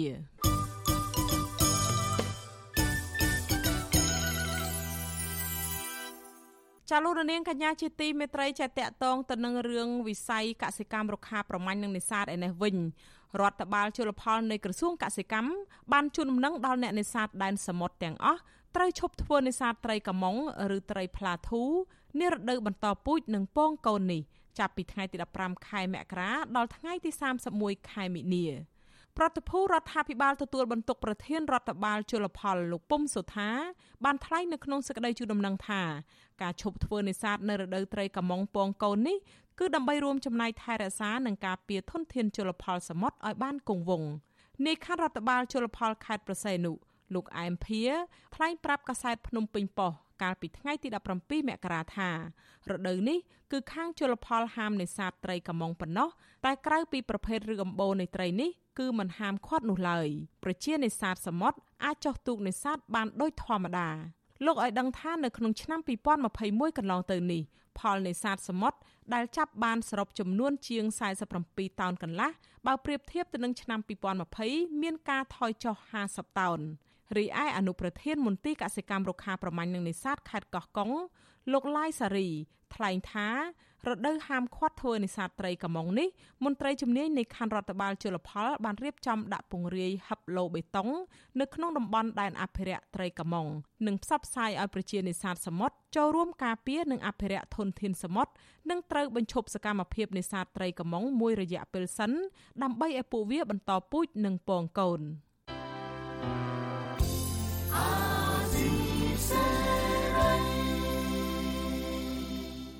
ចាលោកនាងកញ្ញាជាទីមេត្រីប្រធានស្ដីទីគណៈបកសង្គ្រោះជាតិលោកសំរងស៊ីថាដើម្បីយកឈ្នះតុលាការលេងសើចនៅកម្ពុជាបាន គឺមានតែខិតខំនាំគ្នាបង្ហាញការពិតជាសាធារណៈ ប្រតិកម្មរបស់ថ្នាក់ដឹកនាំគណៈបកប្រឆាំងនេះធ្វើឡើងឆ្លើយតបទៅនឹងបណ្ដឹងជាច្រើនប្រឆាំងរូបលោកដូចជារឿងលោកហ៊ុនសែនទិញចំនួន likes សម្រាប់ទំព័រ Facebook ជាដើម ដែលបណ្ដឹងទាំងនោះតុលាការកាត់ក្តីតម្រូវចិត្តលោកហ៊ុនសែនចាប់ពីរដ្ឋធានី Washington លោកមួងណារ៉េតមានសេចក្តីរាយការណ៍ពុស្ដាអំពីរឿងនេះ ប្រធានស្ដីទីគណៈបកសង្គ្រោះជាតិលោកសំរងស៊ីថាលោកជាប់បណ្ដឹងនៅតុលាការកម្ពុជាច្រើនពេករហូតលែងចាំថាមានប្រមាណនិងគេកាត់ឲ្យលោកជាប់ទោសអ្វីខ្លះលោកថាលោកមិនចាំនេះគឺដោយសារតែការកាត់ក្តីទាំងនោះសុទ្ធតែធ្វើឡើងដោយឡប់ឡែឥតប្រយោជន៍និងដើម្បីតែផ្គប់ចិត្តមន្ត្រីបកកណ្ដាលអំណាចតែប៉ុណ្ណោះក៏ប៉ុន្តែលោកថាអ្វីដែលលោកចាំច្បាស់គឺតឡាការកម្ពុជាគឺជាឧបករណ៍នយោបាយបំរើប្រយោជន៍របស់លោកហ៊ុនសែននិងបកកណ្ដាលអំណាច មិនមែនបំរើប្រយោជន៍យុត្តិធម៌សង្គមនិងការស្វែងរកការពិតនោះទេអាហ្នឹងតឡាការស្រុកខ្មែរយើងយើងធ្លាប់ហើយកាត់ឲ្យចាញ់អាហ្នឹងយើងដឹងតឡាការលេងសើចទៅចេះតែថាហ៊ុនសែនត្រូវត្រូវត្រូវត្រូវជានិចទៅគ្រាន់តែរឿងក្តីដែលតឡាការជំនុំជម្រះរួចនឹងសម្រេចឲ្យលោកមានទោសគឺមានជាង10ករណីដែលលោកត្រូវជាប់ពន្ធនាគាររាប់សិបឆ្នាំ និងពិន័យជាប្រាក់រាប់លានដុល្លារ ដែលត្រូវបង់ឲ្យមន្ត្រីជាន់ខ្ពស់រដ្ឋាភិបាលលោកហ៊ុនសែនរួមមានលោកហ៊ុនសែនផ្ទាល់ដែលជាប្រធានគណៈបកប្រជាជនកម្ពុជាចំនួន1លានដុល្លារលោកសខេងជាអនុប្រធានបកនេះនិងជារដ្ឋមន្ត្រីក្រសួងមហាផ្ទៃចំនួន5សែនដុល្លារនិងលោកហេងសំរិនប្រធានរដ្ឋសភាចំនួន6សែនដុល្លារនិងលោកសោមសឿនប្រធានចាត់តាំងនៃគណៈកម្មាធិការកណ្ដាលគណៈបកប្រជាជនកម្ពុជាចំនួន15លានរៀលឬប្រមាណ4000ដុល្លារជាដើម សំណុំរឿងទាំងនេះពាក់ព័ន្ធនឹងបទបរិហាគេជាសាធារណៈដោយសារតែការថ្លែងសាររបស់លោកសំរងស៊ីពាក់ព័ន្ធនឹងបុគ្គលសាធារណៈទាំងនេះបើទោះបីជាយ៉ាងនេះក្តីលោកសំរងស៊ីលើកឡើងពីបណ្ដឹងប្រឆាំងនឹងលោកតើតើនឹងការចោទរបស់លោកថាលោកហ៊ុនសែនទិញ likes ឬក៏ចូលចិត្តសម្រាប់ទំព័រ Facebook របស់លោកហ៊ុនសែន លោកសំរងស៊ីសរសេរសារនៅលើទំព័រ Facebook របស់លោកកាលពីថ្ងៃទី9ខែមីនាឆ្នាំ2016ថាមន្ត្រីរាជការនិងកងសន្តិសុខត្រូវបានគេណែនាំឲ្យបង្កើត likes คล้ายៗដែលការណែនាំទាំងនេះបង្ហាញយ៉ាងច្បាស់ថាគណៈបកប្រជាជនកម្ពុជាកំពុងតែជំរុញឲ្យមន្ត្រីអ្នកគាំទ្រនិងបណ្ដាញរបស់ខ្លួនរួមមានមន្ត្រីរាជការនគរបាលនិងទាហានឲ្យបង្កើតគណនី Facebook คล้ายៗដើម្បីផ្ដល់ likes คล้ายៗដល់ទំព័រ Facebook របស់លោកហ៊ុនសែន សារបែកធ្លាយមួយទៀតបានបង្ហាញថាមន្ត្រីរបស់លោកហ៊ុនសែនធ្វើចលនាផ្ទៃក្នុងដើម្បីជំរុញឲ្យសមាជិកគណៈបកប្រជាជនកម្ពុជាជួយបង្កើន likes សម្រាប់ទំព័រ Facebook របស់លោកហ៊ុនសែននិងធ្វើឲ្យ like សម្រាប់ទំព័រ Facebook លោកសំរងស៊ីធ្លាក់ចុះសាររបស់លោកសោមសឿនតាម Telegram នេះត្រូវបានបែកធ្លាយនិងផ្សព្វផ្សាយបន្តពេញបណ្ដាញសង្គម Facebook ក្នុងនោះលោកសំរងស៊ីក៏បានផ្សាយបន្តដែរដោយអមដោយរូបភាពផ្ទាំង screenshot នៃសារដែលបែកធ្លាយនោះក្រោយចេញផ្សាយសារនេះលោកសោមសឿន ដែលជាប្រធានគណៈចាត់តាំងនៃគណៈកម្មាធិការកណ្ដាលគណៈបកប្រជាជនកម្ពុជា កាលពីថ្ងៃទី10ខែមីនាឆ្នាំ2016បានប្តឹងលោកសំរងស៊ីពីបទបរិហាកេក្រោយមកតុលាការកាលពីខែវិច្ឆិកាឆ្នាំ2016បានកាត់ទោសឲ្យលោកសោមសឿនឈ្នះនិងបង្គាប់ឲ្យលោកសំរងស៊ីបង់ប្រាក់ពិន័យចូលរដ្ឋ10លានរៀលនិងសងជំងឺចិត្តលោកសោមសឿន15លានរៀលឬប្រមាណ4000ដុល្លារ លោកសំរងស៊ីអះអាងថាលោកមិនចាប់អារម្មណ៍នឹងសេចក្តីសម្រេចរបស់តុលាការនោះទេព្រោះលោកថាលោកគ្មានជំនឿសំបីតែបន្តិចទៅលើប្រព័ន្ធតុលាការដែលលោកថាជាឧបករណ៍នយោបាយរបស់លោកហ៊ុនសែននោះក៏ប៉ុន្តែលោកថារឿងក្តីនេះបានលាតត្រដាងឲ្យឃើញអំពីការពិតជាសាធារណៈនៃប្រជាប្រិយคล้ายៗរបស់លោកនាយរដ្ឋមន្ត្រីហ៊ុនសែនដែលសំបីតែ likes ក៏ត្រូវទិញដែរនឹងជា like សុបនិមិត្តហើយអានេះជា like ហ៊ុនសែននឹងគឺមនុស្សដែលគ្មានពាក់ព័ន្ធរឿងសុខខ្មែរអីទាំង គឺគេ like គេយកទៅឈ្មោះគេបង្កើត account គេបង្កើតនឹងទៅគេចុច like ទៅហើយប្រភពដែលមកហ្នឹងមកពីប្រទេសគេអត់តាមដានគេអត់ចង់ដឹងរឿងខ្មែរយ៉ាងម៉េចទេអត់ស្គាល់ទៅហ៊ុនសែនណាផងប៉ុន្តែគេចុច like ដាច់ដាច់ដាច់ឲ្យឲ្យហ៊ុនសែនដើម្បីចំណេញលុយដើម្បីលក់ជុំវិញរឿងទិញ likes Facebook នេះកាលពីឆ្នាំ2016សារព័ត៌មានទាំងក្នុងស្រុកនិងបរទេស ចុះផ្សាយព្រោងព្រាតអំពីការសង្ស័យនៃភាពមិនប្រក្រតីនៃចំនួន likes ឬក៏ចូលចិត្តទំព័រ Facebook របស់លោកនាយរដ្ឋមន្ត្រីហ៊ុនសែនទិន្នន័យដែលបណ្ដាញសង្គម Facebook Social Bakers បានរកឃើញកាលពីឆ្នាំ2016នោះថាចំនួន likes ឬក៏ការចុចចូលចិត្តទំព័រ Facebook លោកហ៊ុនសែនទាំងអស់គឺមានតែ20%តែប៉ុណ្ណោះជាអ្នកនៅក្នុងស្រុកខ្មែរក្រៅពីនោះគឺលោកហ៊ុនសែនបាន likes ទាំងនេះពីប្រទេសក្រៅទាំងអស់ដូចជា250,000 likes ពីប្រទេសឥណ្ឌា ជិត1សែន likes ពីប្រទេសហ្វីលីពីន ជាង50000 likes ពីប្រទេសភូមានិងជិត50000 likes ពីប្រទេសឥណ្ឌូនេស៊ីជាដើមសូម្បីតែប្រទេសមិចស៊ីកូនិងប្រេស៊ីលក៏ទំព័រ Facebook នេះមាន likes ពីទីនោះជិត40000 likes ដែរជារួមកន្លែងដែលខ្សត់ប្រជាពលរដ្ឋខ្មែររស់នៅគឺមានអ្នកចុច like ឲ្យទំព័រ Facebook លោកហ៊ុនសែនច្រើនផ្ទុយទៅវិញទំព័រ Facebook របស់លោកហ៊ុនសែនមិនសូវមានអ្នកចុច like ពីប្រទេសដែលមានពលរដ្ឋខ្មែររស់នៅរាប់លានអ្នកដូចជាប្រទេសថៃនោះឡើយ។ គិតមកត្រឹមខែមករានេះទំព័រ Facebook របស់លោកហ៊ុនសែនមានចំនួនអ្នក likes រហូតដល់ជាង13លាន6សែន likes បើទោះបីជាប្រទេសកម្ពុជាមានអ្នកប្រើប្រាស់បណ្ដាញសង្គមនេះប្រមាណតែ7លានអ្នកតែប៉ុណ្ណោះនៅក្នុងចំណោមប្រជាពលរដ្ឋជិត17លាននាក់ចំនួននេះគឺមានច្រើនជាងចំនួន likes របស់ Facebook របស់ប្រធានាធិបតីអាមេរិកលោក Joe Biden ដែលមានជិត10លាន likes ភាពមិនប្រក្រតីនេះធ្វើឲ្យមជ្ឈដ្ឋានទូទៅមានមន្ទិលអំពីការទិញចំនួន likes ពីក្រុមហ៊ុន Click Farms ដែលរកស៊ីបង្កើតចំនួន likes คล้ายៗដើម្បីបន្លំភ្នែកអ្នកផងឲ្យជឿថាម្ចាស់ទំព័រនោះមានអ្នកចូលចិត្តច្រើនតែតាមការពិតមានតែសម្បកតែប៉ុណ្ណោះស្របពេលជាមួយគ្នានោះស្រាប់តែសារអេឡិចត្រូនិកមួយរបស់ជំនួយការរបស់លោកនាយរដ្ឋមន្ត្រីហ៊ុនសែនគឺលោកដួងតារាដែលសរសេរផ្ញើទៅលោកហ៊ុនសែននិងចម្លងជូនមនុស្សម្នាក់ទៀតឈ្មោះភៀបដេវីត កាលពីថ្ងៃទី5ខែមីនាឆ្នាំ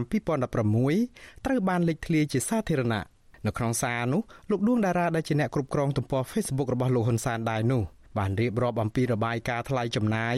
សម្រាប់ផ្សាយពាណិជ្ជកម្មដើម្បីបាន likes នោះជារួមលោកដួងតារារាយការណ៍ប្រាប់លោកហ៊ុនសែនថាមួយខែមួយខែ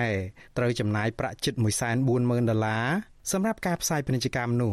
ត្រឹមតែ3ខែតែប៉ុណ្ណោះពីចុងឆ្នាំ2015ដល់ខែមីនាឆ្នាំ2016 ទឹកប្រាក់ដែលត្រូវចំណាយសម្រាប់ការផ្សាយពាណិជ្ជកម្មដើម្បីបាន likes នេះត្រូវចំណាយអស់ជិតកន្លះលានដុល្លារគ្មានសេចក្តីរាយការណ៍ណាមួយពីក្រសួងហិរញ្ញវត្ថុកម្ពុជាឬក៏ប្រភពរបស់រដ្ឋថាតើថ្លៃចំណាយនេះជាថវិការបស់ជាតិឬក៏ជាលុយរបស់លោកហ៊ុនសែននោះឡើយវិទ្យុអាស៊ីសេរីព្យាយាមសុំការបំភ្លឺជំរឿងនេះពីលោកដួងតារា និងឈ្មោះភៀបដេវីតនោះដែរក៏ប៉ុន្តែពួកគាត់មិនឆ្លើយតបនោះឡើយបើទោះបីជាវិទ្យុអាស៊ីសេរីព្យាយាមច្រើនដងច្រើនថ្ងៃនឹងតាមមធ្យោបាយច្រើនក៏ដោយលោកសំរងស៊ីបន្តថាដើម្បីយកឈ្នះតឡាការបៃលុកបៃលនៅកម្ពុជាបានគឺលោកត្រូវបន្តស្រាវជ្រាវរកការពិតនិងលាតត្រដាងវាជាសាធារណៈដើម្បីឲ្យដឹងអំពីល្បិចអាក្រក់របស់លោកហ៊ុនសែននិងមន្ត្រីគណៈបកកណ្ដាលអំណាចខ្ញុំបាទមុងណារ៉េត With you Azizi ប្រធានាទី Washington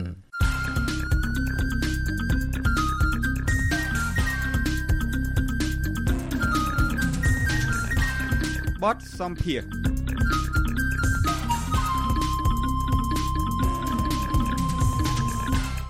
ចាលោកនាងកញ្ញាជាទីមេត្រី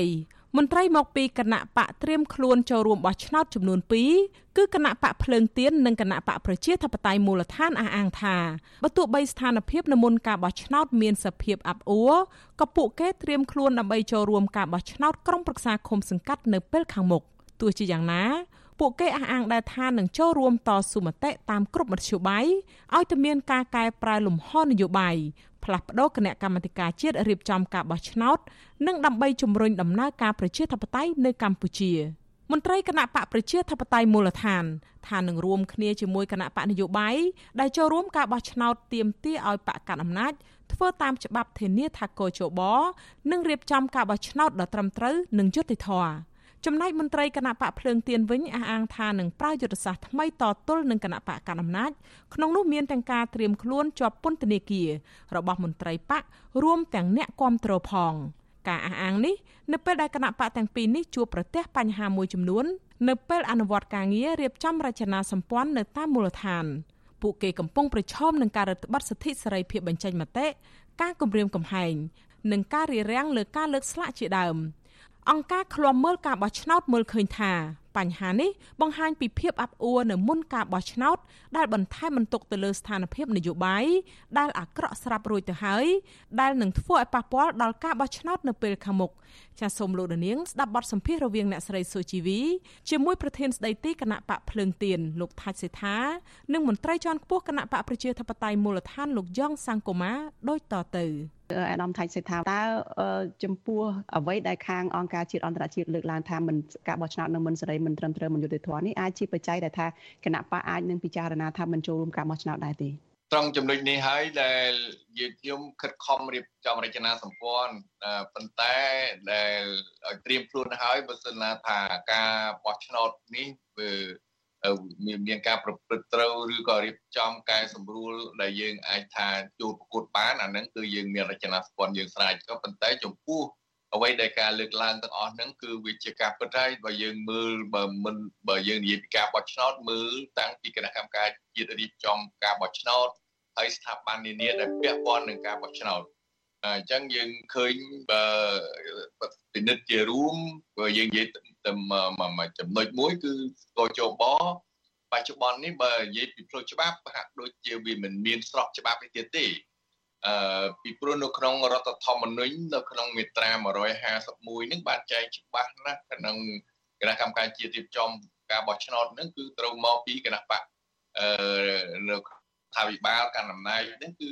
4នាក់ហើយមកពីគណៈបកដែលមានអាសនៈក្នុងសភា4នាក់ហើយនឹងសង្គមស៊ីវិល ហើយនៅក្នុងចំណុចដដែលនោះដែរក៏បានរំពេថាប្រសិនបើគណៈកម្មការជាតិរៀបចំការបោះឆ្នោតថ្មីមិនទាន់មួយចំនួនទេចាស់ហ្នឹងក៏អាចដំណើរការទៅបានដូច្នេះយើងមើលឃើញថាកជបរងថ្ងៃរាល់ថ្ងៃនេះវាមិនមានលក្ខណៈថាស្របទៅតាមរដ្ឋធម្មនុញ្ញទេក្រោយពីការរំលាយគណៈបក្សសង្គ្រោះជាតិមកខ្ញុំថាត្រូវតែធ្វើវិសោធនកម្មរដ្ឋធម្មនុញ្ញទើបស្របច្បាប់ហើយយើងមើលឃើញថា បើសិនណារដ្ឋាភិបាលមានចេតនាឆន្ទៈនៅក្នុងការរៀបចំក្បាលម៉ាស៊ីននៃកោជបគណៈកម្មការរៀបចំការបោះឆ្នោតបានត្រឹមត្រូវនឹងគឺខ្ញុំថាអាចធ្វើបានណាកែលម្អបានអាស្រ័យនៅលើឆន្ទៈនៃអ្នកដឹកនាំហើយមួយយ៉ាងទៀតនោះដូចជាផ្នែកតឡាការអញ្ចឹងដែរតឡាការពេលខ្លះគាត់មិនបានប្រកាន់យកអភិក្រិតភាពពិនិត្យបើពិនិត្យជារួមគឺការបោះឆ្នោតនេះវាមិនអាចធានាបានដល់ការប្រព្រឹត្តត្រូវដោយសេរីនិងយុត្តិ បានទេដូច្នេះហើយបានគណៈបកភ្លឹងទៀនយើងកំពុងតែតាមដានហើយនឹងតស៊ូមតិបន្ថែមទៀតដើម្បីធ្វើយ៉ាងម៉េចឲ្យមានការកែសម្រួលឲ្យយ៉ាងហោចណាស់ក៏អនុវត្តច្បាប់ដែលមានស្រាប់ហ្នឹងឲ្យបានទៅទៅយើងនឹងអាចត្រៀមខ្លួនយើងនឹងចូលរួមការបោះឆ្នោតបាទចុះចំពោះអឺ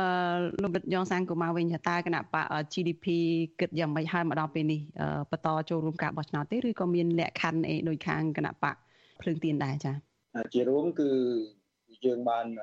ត្រៀមខ្លួនចូលរួមប្រកួតការបោះឆ្នោតគុំសង្កាត់ហ្នឹងហើយខ្ញុំខ្ញុំចង់បញ្ជាក់ពីចំណុចគឺចំណុចទី1ទទួលឱកាសភាពជាតំណាងរបស់ជាពលរដ្ឋក្នុងក្រុមប្រឹក្សាគុំសង្កាត់ចំនួន10000នាក់ជាងហ្នឹងក្នុងគុំកាត់ចំនួន1852ហ្នឹងដើម្បីយើងអាចមានឱកាសទី1ពង្រីកពីគុំចំនួន3ដែលយើងមានស្រាប់ហ្នឹងមានថាពង្រីកចំនួន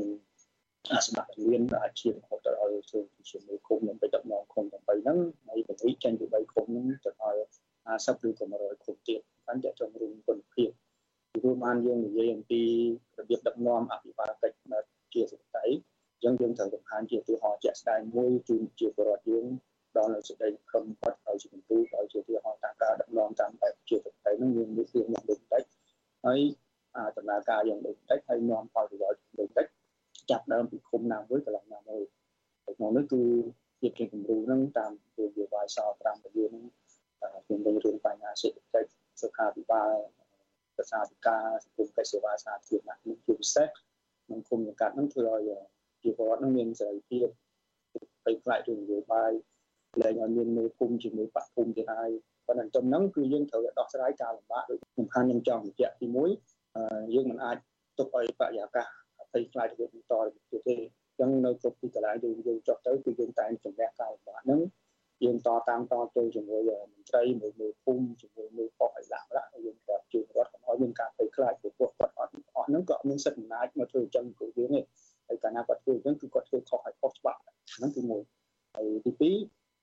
ធ្វើម៉េចឲ្យមន្ត្រីនៅថ្នាក់លើនេះពិសេសរដ្ឋមន្ត្រីក្រសួងមហាផ្ទៃទៅមានការណែនាំច្បាស់លាស់ជុំវិញបញ្ហាហ្នឹងហើយ trong ចំណុចនេះគឺតកតងដូចនេះចំពោះរឿងតជបយើងជាគណៈបកតែមួយខ្ញុំធ្វើការតែឯងហើយត្រង់នេះគឺលោកថាសិដ្ឋាគណៈបកទើងទៀនជាដើមគណៈបកទាំងអស់យើងគួរសហការគ្នាតទល់ជាមួយកជបតទល់ជាមួយក្រសួងមហាផ្ទៃទោះបីយើងគណៈបកផ្សេងមួយផ្សេងនេះក៏ដោយប៉ុន្តែគោលបំណងរបស់យើងគឺធ្វើឲ្យប្រជាធិបតេយ្យនឹងមានភាពរស់រវើក ការបោះឆ្នោតមានការប្រកួតប្រជែងឲ្យស្មើភាពតែសិទ្ធិសិទ្ធិអំណាចនិងការសម្រេចចិត្តទៅជាគណៈបកណាជាសិទ្ធិអំណាចរបស់ជីវរដ្ឋទេអញ្ចឹងគឺយើងយ៉ាងអន់ផុតគឺយើងធ្វើម៉េចឲ្យជាបរដ្ឋចូលរួមក្នុងកិច្ចការនយោបាយដែលគ្មានការពេកខ្លាចគ្មានពីទៅអានគ្មានការតាមដានគ្មានអង្គការផ្នែកផ្នែកម្នាក់នៅតាមភូមិឃុំទៅទេហើយធ្វើម៉េចឲ្យការបោះឆ្នោតជាសម្ងាត់ហើយនេះគឺជាបរដ្ឋយើងដឹងណាគឺបោះឆ្នោតសម្ងាត់ប៉ុន្តែសំខាន់មួយទៀតគឺលទ្ធផលនៃការបោះឆ្នោតយើងអាចគ្រប់គ្រងបានអញ្ចឹងអាទិប្រង1102នេះសំខាន់ណាស់ អញ្ចឹងកន្លងមកយើងបានសហការជាមួយគណៈបកកម្ពុជានិយមគណៈបកការជំរុញកម្ពុជាហ្នឹងហើយក៏យើងកំពុងជួយគណៈបកផ្នែកចលនជាតិនៃ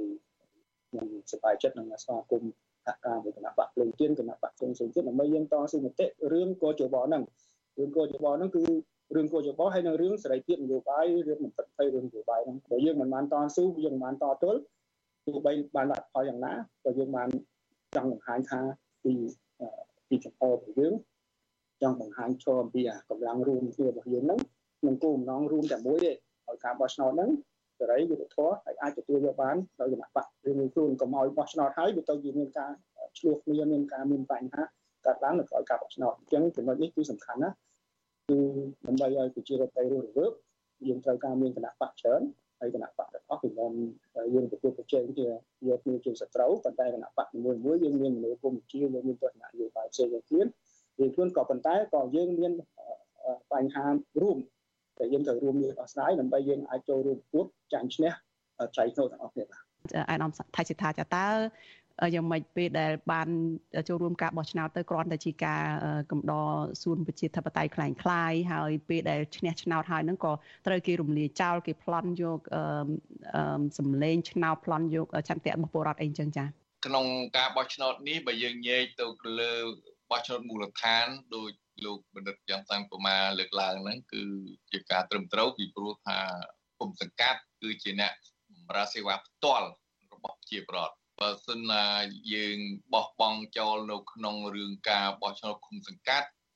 ដូចជាយើងគ្មានមូលដ្ឋានអីតទៅសោះដើម្បីយើងការពារជួយដល់ប្រជាពលរដ្ឋ ចាសូមកាត់ប្រសាសន៍ព្រោះកន្លងមកហ្នឹងគឺគណៈបកសង្គ្រោះជាតិហ្នឹងបានឈ្នះឆ្នោតបានសម្លេងច្រើននៅក្នុងការបោះឆ្នោតក្រុមប្រឹក្សាគុំសង្កាត់នឹងឯងហើយប៉ុន្តែនៅពេលដែលចូលកាន់តំណែងហ្នឹងក៏ត្រូវគេរំលាយបាក់ចោលហើយបាត់បង់ទាំងតំណែងក្រុមប្រឹក្សាគុំសង្កាត់នឹងទៀតហ្នឹងចាទីមួយគណៈបកលឹងទៀនយើងរងចាំមើលនឹងបរិយាកាសនយោបាយក៏ប៉ុន្តែនៅបើយើងនិយាយដោយហៅថាមានទុតិនិយមចោះថាបើយើងបរិយាកាសនយោបាយល្អយើងចូលរួមការបោះឆ្នោតពេលដែលយើង ឃើញពលិឈ្នះហើយឬក៏សម្លេងយើងឈ្នះហើយហ្នឹងគេនឹងរំលាយដដែលដូចជាមេរៀនកន្លងមកនេះជាបទពិសោធន៍គឺនៅក្នុងគណៈបកសង្គ្រោះជាតិកន្លងមកនេះឯងដល់បទពិសោធន៍ឥឡូវនេះយើងការចាប់ផ្ដើមរបស់យើងមានន័យថាយើងការតស៊ូរបស់យើងចូលរួមការបោះឆ្នោតកន្លងមកយើងឃើញហើយអ្នកដែលបំផ្លិចបំផ្លាញជន់ឈ្លីឆន្ទៈប្រជាពលរដ្ឋណាយើងដឹងហើយយើងខ្ញុំបានពង្រឹងគ្នាយើងបានផ្ញើសារជាគោលការណ៍របស់គណៈបកយើងយើងថាប្រសិនបើយើងចូលរួមការបោះឆ្នោតហើយ យើងទទួលបានសម្លេងដូចពីមុនហើយបើមានការរំលាយម្ដងនេះគឺយើងនឹងក្រែងនានាលតទល់ទាំងអស់គ្នាពីព្រោះជាការបំពេញច្បាប់ហើយអ្វីដែលយើងធ្វើឡើងសម្លេងដែលយើងបានគឺបានមកពីការបោះឆ្នោតដោយប្រជាពលរដ្ឋហើយយើងត្រូវតែលើការពារឆន្ទៈប្រជាពលរដ្ឋស្លឹកឆ្នោតប្រជាពលរដ្ឋប្រសិនបើមានការរំលាយយើងត្រូវតែមានការតវ៉ាទាំងអស់គ្នាហើយបើគេចាប់ដាក់គុកឲ្យសុកចិត្តចាប់ដាក់គុកទាំងអស់គ្នានោះយើងអត់ទៅណាទេអញ្ចឹងបានយើងអាច ដើម្បីឲ្យប្រទេសយើងមានការផ្លាស់ប្ដូរបានដូច្នេះហើយចំហរបស់គណៈបកភ្លឹងទៀនបើយើងចូលរៀបការបោះឆ្នោតហើយបានសម្លេងដូចពីមុនហើយបើមានរំលាយការរំលាយទៀតអានេះគឺយើងក្រែងនានាយើងអត់ទៅណាទេនេះចំណុចទី1ទី2ខ្ញុំថាប្រសហែលជាមិនអាចយកមេរៀនដដែលមកប្រើប្រាស់ទៀតទេបើសិនជាមានការរំលាយសាច់ជាថ្មីទៀត អ្នកដែលទទួលរងទណ្ឌកម្មឬក៏ភាពអាម៉ាស់ឬក៏ទុក្ខវេទនាខ្លាំងជាងប្រហែលជាមិនមែនយើងខ្ញុំដែលជាបពប្រឆាំងទេឥឡូវគ្រាន់តែយើងមើលឃើញប៉ុណ្ណឹងរាល់ថ្ងៃនេះការរំលាយនេះឥឡូវរហូតដល់បច្ចុប្បន្នយើងមើលឃើញរដ្ឋាភិបាលយើងមិនទាន់ពេញមុខពេញមាត់ដែលគេទទួលស្គាល់ទៅរដ្ឋាភិបាលមួយដែលកាត់ចេញពីការបោះឆ្នោតទេនៅតែមានការកកតូននៅតែមានការដាក់តន្តកម្មនៅតែឲ្យស្ដារលទ្ធិជាធិបតេយ្យនេះហើយដែលជាភាពអាម៉ាស់មួយសម្រាប់ អ្វីដែលគណៈបកកណ្ដាលអំណាចដែលធ្វើកន្លងមកនេះដូច្នេះខ្ញុំទឿថាបើមានបែបនេះកើតឡើងទៀតប្រហែលទណ្ឌកម្មនឹងកាន់តែខ្លាំងចុះចំពោះគណៈបក GDP វិញចាលោករដ្ឋសងយ៉ងសាងកុមារចាមានអ្វីឆ្លើយតបទីមួយខ្ញុំចង់បញ្ជាក់ថាបើសិនយើងចង់បានវិទ្យាដឹកនាំបែបជាធិបតេយ្យពិតប្រាកដនេះរបស់នេះវាមិនអាចឆ្លាក់ពីលើមេឃមកឯងទេមានបរទេសណាអាមេរិកអឺរ៉ុបណាយកមកឲ្យយើងទេ ជាតតៃកើតមានឡើងដោយសារការចូលរួមតស៊ូជាបរិបទយើងណាចាប់ដើមពីកន្លែងណាដែលយើងអាចធ្វើបានចាប់ដើមពីគុំសង្កាត់ហើយតកតងរឿងរំលាយឬក៏មិនរំលាយនេះអានេះវាជាសង្គ្រាមចិត្តសាស្ត្រឯងយើងនៅតែគិតថាធ្វើអីខ្លាយគេរំលាយធ្វើអីកើតកើតគឺដូចយើងមិនធ្វើអីទេទុកឲ្យគណៈបកជាជននឹងដឹកនាំតែឯងមកជីវិតតទៀតទៅតកូនតចៅទៅយើងព្រមធ្វើអីសោះហើយបើយើងធ្វើយើងអាចបានឬអាចមិនបានបើយើងមិនធ្វើគឺដឹងថាមិនបានតែដល់ ហើយរំលាយមិនរំលាយនេះគឺខ្ញុំបានសិក្សាច្បាស់ហើយមុនរំលាយគណៈបកសង្គ្រោះជាតិក៏យើងបានដឹងរឿងនេះច្រើនដែរគេបានបង្កើតច្បាប់ណាគឺវិសោធនកម្មច្បាប់គណៈបកនយោបាយដើម្បីទិសដៅធ្វើបាបគណៈបកសង្គ្រោះជាតិគ្រប់សកម្មជនគ្រប់អ្នកនយោបាយរបស់យើងត្រូវសិក្សាច្បាប់ត្រូវសិក្សាប្រព័ន្ធនយោបាយនៅស្រុកខ្មែរឲ្យច្បាស់លាស់ហើយដើរឲ្យប្រយ័ត្នប្រយែងហើយយើងប្រើប្រាស់ឱកាសដែលយើងមានដើម្បីដើម្បីពង្រីកឱកាសពង្រីកអធិពលយើងឲ្យធំ ដើម្បីធ្វើម៉េចឲ្យកម្លាំងរបស់យើងពីមួយថ្ងៃទៅមួយថ្ងៃពីអាណត្តិទៅអាណត្តិកាន់តែរឹងមាំជាងមុនហើយកាន់តែខ្លាំងជាងមុនហើយបង្កើតឲ្យភាពជាគំរូឲ្យប្រជាពលរដ្ឋឃើញកុំបន្តិចបាក់ស្បាតបន្តិចខ្លាចតិចអីចឹងហើយប្រជាពលរដ្ឋយើងកំពុងភ័យខ្លាចបាក់ស្បាតផងហើយយើងនាំគ្នាកំភៃនាំគ្នាជាងចង់ចង់យើងបំពល់បរិយាកាសបោះឆ្នោតតែអីឈ្នះក៏គេមិនអោយឈ្នះគេគុំគេរំលាយធ្វើអីមិនកើតអញ្ចឹងមិនបាច់ទេទុកឲ្យគណៈបកប្រជាជនដឹកនាំប្រទេសតកូនតចៅឲ្យកុំកុំរិះគន់គេថាគេ អីណាបន្តវៀនឲ្យកូនបន្តវៀនអីមិនទៅរិះគន់គេអីបើយើងអត់នាំគ្នាធ្វើអីយើងគួរតែរួមគ្នាធ្វើហើយក្នុងហ្នឹងគណៈបកនយោបាយទាំងអស់សហការគ្នាទិសដៅរួមគោលបំណងរបស់យើងគឺនយោបាយដើម្បីឲ្យប្រជាធិបតេយ្យរស់ទៅគឺយើងរៀបចំប្រទេសមួយដែលគណៈបកនយោបាយដែលប្រជាពលរដ្ឋគ្រប់នីការនយោបាយអាចរស់នៅធ្វើការមួយគ្នាដោយមានការយោគយល់គ្នាដោយសន្តិភាពទាំងអស់គ្នាដោយសម្បូរសប្បាយរបស់គ្នាបាទចាជំរាបលាលោកទាំងពីរត្រឹមប៉ុណ្ណេះសិនចាជួបគ្នានៅឱកាសក្រោយទៀតចា ចាលោករនាងជាទីមេត្រីលោករនាងទៅបានស្ដាប់បទសម្ភាសន៍រវាងអ្នកស្រីសូជីវីជាមួយប្រធានស្ដីទីគណៈបកភ្លើងទៀនលោកថាច់ស៊ីថានិងមន្ត្រីជាន់ខ្ពស់គណៈបកប្រជាធិបតេយ្យមូលដ្ឋានលោកយ៉ងសង្គមាអំពីការត្រៀមខ្លួនរបស់គណៈបកនេះសម្រាប់ការបោះឆ្នោតនៅខែមិថុនាឆ្នាំ2022នេះ